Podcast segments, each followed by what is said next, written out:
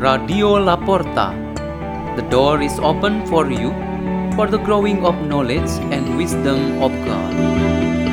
Delivered by Fhesty Maria Faustin and Frins Halim from the Catholic Religious High School St. John Paul II Seminari Labuan Bajo, Indonesia.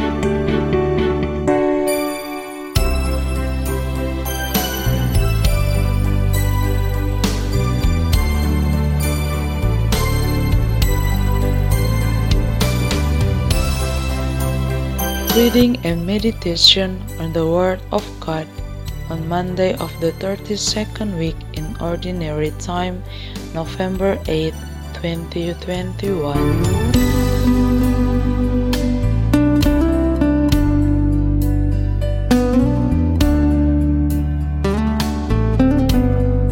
The reading is taken from the Holy Gospel according to Luke.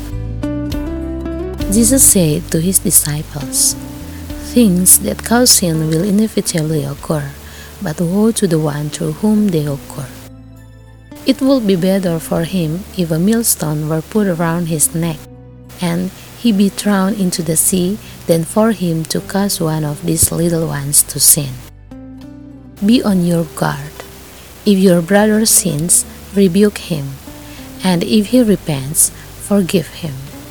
And if he wrongs you seven times in one day, and returns to you seven times, saying, I am sorry, you should forgive him. And the apostles said to the Lord, Increase our faith. The Lord replied, If you have faith the size of a mustard seed, you will say to this mulberry tree, Be uprooted and planted in the sea, and it will obey you. The Gospel of the Lord.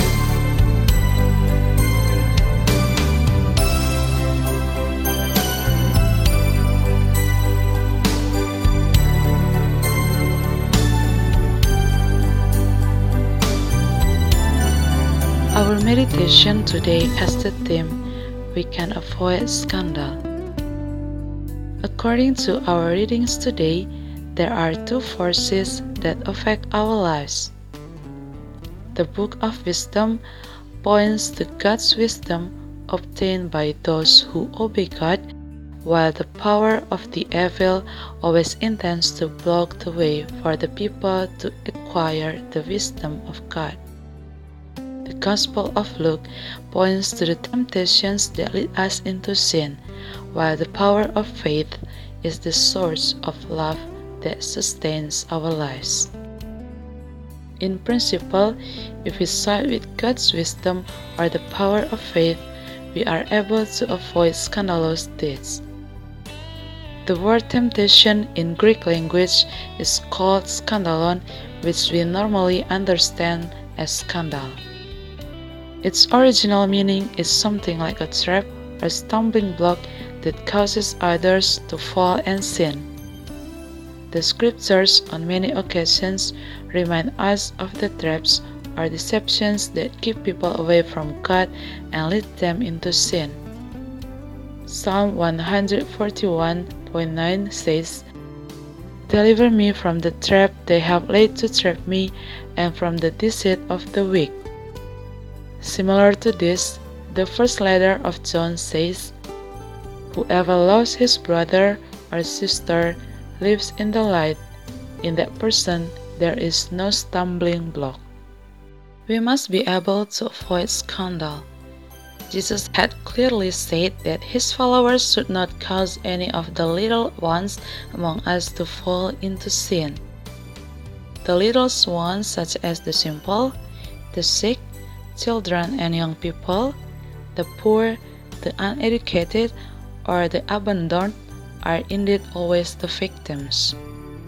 Their lives are already difficult physically, mentally, and spiritually. They should not be made more miserable. The people who trouble them with their scandals are those who have power, intelligence, and influence. Hopefully, you do not belong to this group.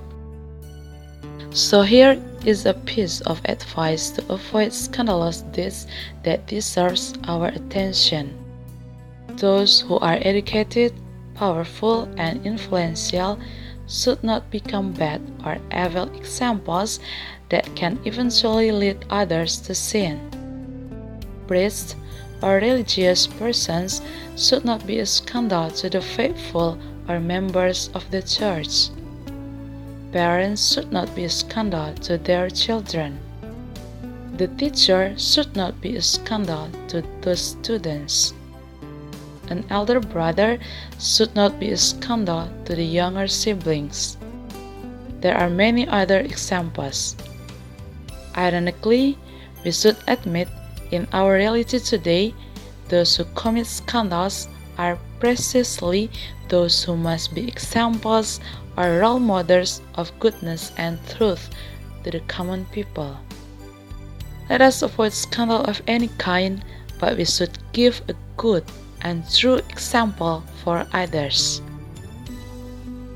Let us pray in the name of the Father, and of the Son, and of the Holy Spirit.